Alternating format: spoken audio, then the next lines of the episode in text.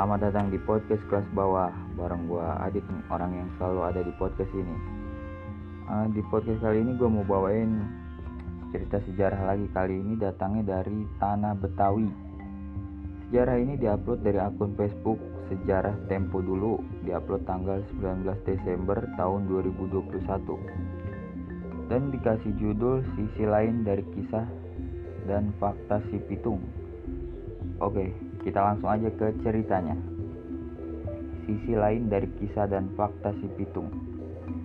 Gerakan perlawanan tujuh kesatria atau pejuang dalam kurung Pituan Pitulung alias Pitung dari tanah Betawi dalam melawan penjajahan Belanda berdasarkan kitab Al-Fatawi. Pitung atau Pituan Pitulung adalah salah satu organisasi perlawanan rakyat Jakarta dalam kurung Jayakarta yang dibentuk pada tahun 1880 Masehi oleh Kiai Haji Naipin atas saran dari pejuang Jayakarta dan sesepuh ada tempo dulu. Kiai Haji Naipin adalah seorang yang alim dan juga dikenal sebagai salah satu ahli silat yang handal di kawasan Tanah Abang. Pitung didirikan setelah seluruh anggotanya melewati beberapa tes seperti ujian jurus terakhir ilmu silat, ujian ilmu agama yang sudah mereka pelajari, ujian ilmu tarekat serta diakhiri dengan khataman Al-Quran yang diikuti oleh ketujuh santri terbaik Kiai Haji Naipin. Setelah dinyatakan lulus, maka ketujuhnya dibait untuk selalu setia dalam jihad visabilillah, setia setia terhadap persahabatan, selalu menolong rakyat, hormat dan patuh terhadap orang tua ulama dan sesepuh adat nama pitung yang berarti tujuh pendekar penolong mengambil inspirasi surat Al-Fatihah yang terdiri dari tujuh ayat oleh karena itu, pendekar ini selalu ditekankan untuk terus menghayati dan mengamalkan kandungan surat Al-Fatihah dalam setiap perjuangan mereka. Di antara ketujuh pendekar itu, maka kemudian dipilihlah yang paling terbaik untuk menjadi pemimpin atau ketua. Terpilihlah salah satu murid yang paling dicintai Kiai Haji Naipin yaitu Ratu Bagus Muhammad Ali Niti Kusuma yang asli kelahiran Selipi. Beliau lahir di rumah atau Wisma Jepang peninggalan area Jepang. Kini bangunan rumah Jepang sudah musnah berganti dengan gedung Bali Pos. Sebenarnya pemilik asli dari rumah Jepang adalah keturunan Pitung. Namun di masa itu beberapa kali dirampas paksa oleh tuan tanah etnis keturunan Cina, lalu direbut kembali oleh mereka dan pada akhirnya tuan tanah Cina berhasil merampasnya kembali, serta berakhir dengan berpindah tangan kepemilikan ke Bali Pos. Kiai Haji Naipin memang sangat sayang pada sosok ini, karena sejak kecil Ratu Bagus Muhammad Ali Nitikusuma adalah seorang yatim dan beliau juga tahu bagaimana kisah ber terbunuhnya ayah ratu bagaimana bagaimana kisah terbunuhnya ayah ratu Bagus Muhammad Ali Nitikusuma di tangan centeng-centeng tuan tanah Cina yang mendukung penjajah Belanda. Sedang ibunya telah menikah lagi dengan salah seorang duda yang mempunyai anak yang berada di daerah Kemanggisan. Kasih sayang ulama sufi ini juga sangat wajar karena beliau adalah paman ratu Bagus Muhammad Ali sendiri. Ratu Bagus Muhammad Ali Nitikusuma adalah sosok yang alim dan soleh, pewaris silat Kiai Haji Naipin, dan silat-silat warisan pejuang Jayakarta. Beliau dikenal sebagai sosok yang tegas dan pantang kompromi dengan penjajah.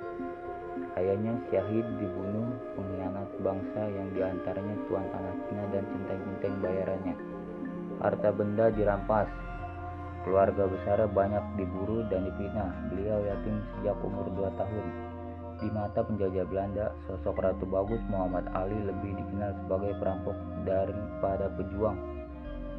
Orang kedua yang juga tidak kalah hebatnya adalah Ratu Bagus Muhammad Rojiih Nidikusuma alias Bang Jiih. Beliau kelahiran dari desa Cengkareng yang kini berada di Jakarta Barat. Dialah otak dibalik semua strategi perlawanan gerakan Pitung. Dikenal licin dan sulit untuk ditangkap. Namanya sering disebut sebagai Ji, sosoknya alim dan soleh serta dikenal sangat keras perlawanannya terhadap penjajah. Beliau tidak seperti yang digambarkan dalam beberapa film yang suka ceroboh tanpa perhitungan. Beliau justru sangat cerdas dan penuh perhitungan.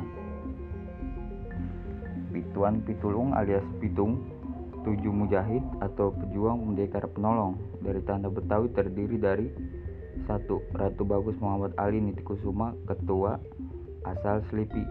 Makamnya di Bandengan Utara, Kemanggisan dan Rawabelong. 2. Ratu Bagus Muhammad Roji'i Nitikusuma alias Ji asal Cengkareng. Makamnya di Jalan Kemandoran 8.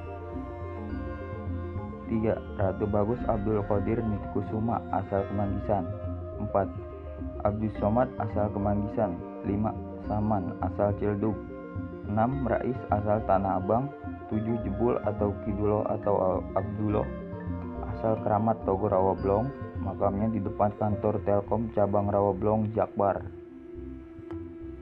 Salah satu dari mereka yaitu Bang Jebul, bahkan pernah membuat gempar para pendekar persilatan, di mana pada sebuah acara pesta dia telah membuat Scout Van Hin keok, padahal Hin sebelumnya kuar-kuar kalau dia jago bela diri.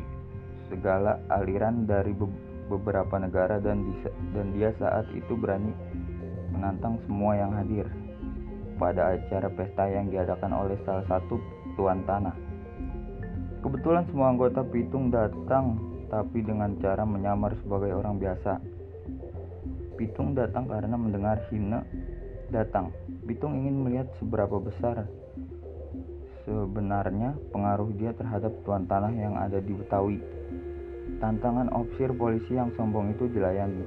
Radin Muhammad Ali yang paling dituakan membisiki Bang Jebul agar segera memberi pelajaran dan hanya beberapa gebrakan jurus. Si Ramacan Bang Jebul berhasil membuat babak belur Sot Van Hin dalam adu tanding silat di Tangerang. Sehingga dari kejadian inilah Hin menjadi sangat dendam dan marah. Dia dan pasukan Marsosenya saat itu mau ngamuk tapi keburu dicegah tuan rumah. Sot yang satu ini bahkan bertambah dendam begitu tahu bahwa yang mengalahkan dia ternyata satu dari anggota Pitung. Hina betul-betul dendam terhadap semua anggota Pitung karena merasa telah dipermalukan di depan banyak halayak ramai.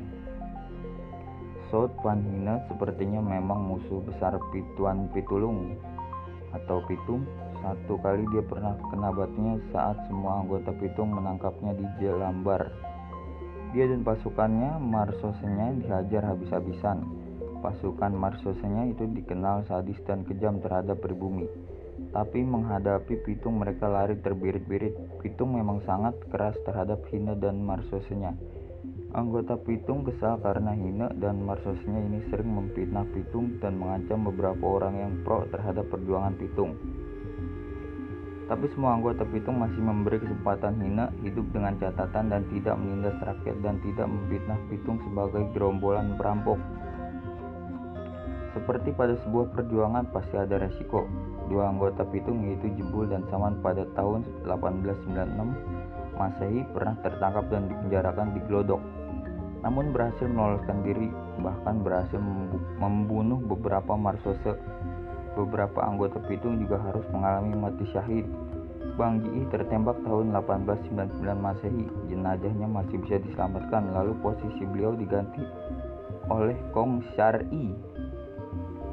Kemudian Ratu Bagus Muhammad Ali Nitikusuma Sahid ditembak bertubi-tubi oleh para marsose sampai akhirnya rubuh tahun 1903 Masehi. Dan bahkan sampai detik-detik kematiannya beliau tidak menyerah dan terus bertakbir. Jasad beliau dimutilasi oleh para marsose yang menjadi antek-antek penjajah yang rela menindas saudaranya sendiri. Jasad beliau yang tidak sempurna kemudian disolatkan oleh para alim ulama di kawasan Selipi dan sekitarnya untuk kemudian dimakamkan di daerah Bandengan. Para ulama dan sesepuh yang berada di daerah Jipang, Pulau Rogo, Selipi, Palmerah, Rawabelong, Kemandoran dan sekitarnya sangat berduka dengan kematian salah satu pejuang terbaik mereka. Pitung adalah fakta sejarah, kisah mereka tercatat tercatat dalam kitab Al-Fatawi. Kisah mereka adalah kisah perlawanan kaum muslimin yang tertindas oleh penjajah dan antek-anteknya. Mereka adalah mujahid sejati yang membela agama Islam dan rakyat Jakarta. Mereka bukan perampok, mereka orang-orang terpelajar dan juga mengerti tentang dunia politik yang diterapkan penjajah. Kisah mereka tentu tidak akan pernah sesuai dengan kisah yang berasal dari penjajah, baik itu melalui koran mereka ataupun para sejarawan kolonialis yang memang bekerja untuk kepentingan penjajah. Kepentingan penjajah. Penjajah pada masa itu dengan politik divide et imperanya bahkan berusaha untuk menciptakan pitung-pitung palsu untuk memancing pitung-pitung asli keluar dari persembunyiannya. Bahkan saat syahidnya Bang Muhammad Ali, salah satu pihak menjebaknya mengaku sebagai pitung asli. Para anggota pitung adalah manusia biasa, mereka tidak mempunyai ilmu macam-macam apalagi memakai jimat seperti yang disebarkan beritanya oleh Belanda kalau pitung sakti mandraguna.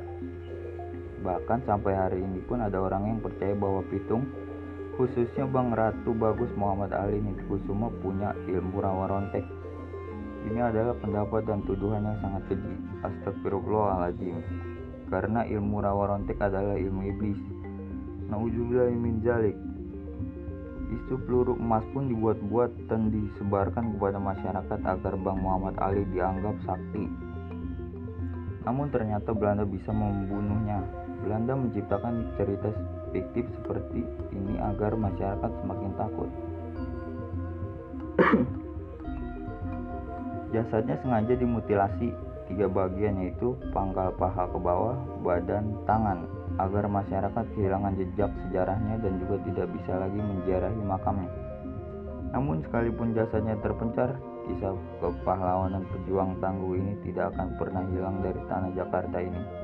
Kematian dua orang Dedengkot Pitung tentu mengguncangkan perasaan keluarga besar mereka yang ada di wilayah Jipang Pulau Rogo sehingga akhirnya banyak mereka yang trauma dan menutup diri terhadap pihak luar, terutama oknum-oknum pendatang yang telah setia menjadi antek-antek penjajah. Mereka betul-betul semakin terpukul karena kematian dua orang mujahid itu telah melibatkan oknum-oknum bayaran pribumi yang disewa para tuan tanah Cina dan penjajah. Lagi-lagi politik divide et impera dimunculkan Pasca kematian dua tokoh utama Pitung, penjajah semakin gencar membuat berita dan kabar bohong tentang Pitung. Digambarkan kalau Pitung itu identik dengan ilmu-ilmu yang aneh dan senang pakai jimat.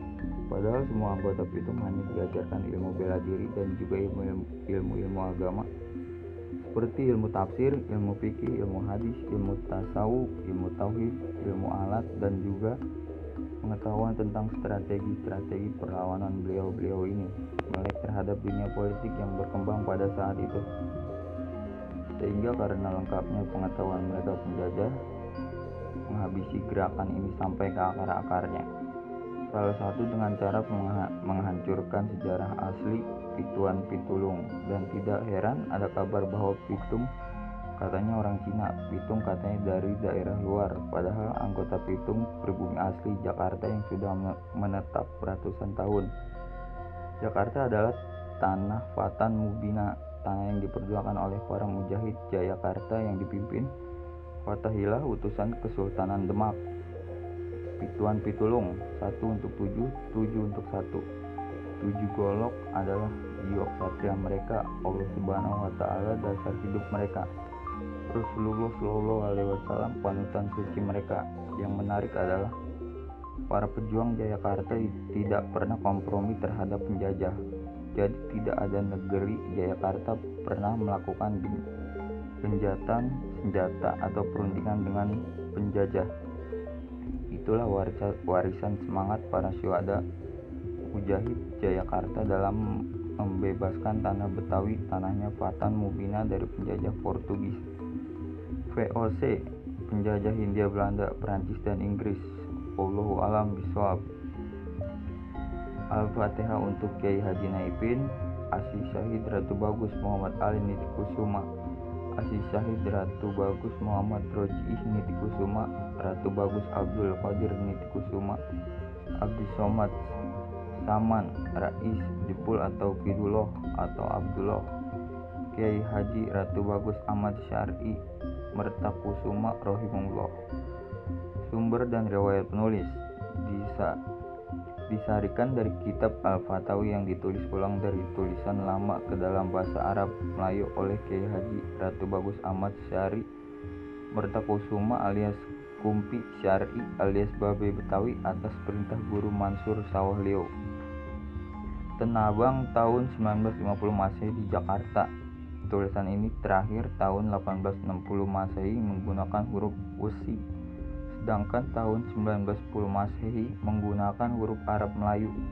Ditulis oleh seorang hafiz Quran, alumnus Mekah, pejuang tangguh, sejarawan, ahli politik, aktivis Islam, pendekar silat handal, beliau bernama Al Alama Ratu Bagus Ahmad Syari Mertakusuma atau Kong Syari, tokoh Pituan Pitulung alias Pitung. Dedengkot perlawanan Kidalang, tokoh penting perlawanan petani condet, tokoh yang paling keras menentang kegiatan Sumpah Pemuda yang masih mau bekerja sama dengan penjajah. Beliau adalah penasihat dan ayah angkat Said, Said Muhammad Husni Tamrin Al-Qadri. Beliau juga berhasil menjaga silsilah MH Tamrin yang telah diselewengkan oleh Belanda. Nama lakobnya satu Syah Ahmad Sari sama dengan nama kecilnya. 2. Kong Sari, nama yang dikenal dalam persilatan di Jayakarta dan salah satu pewaris sanad persilatan.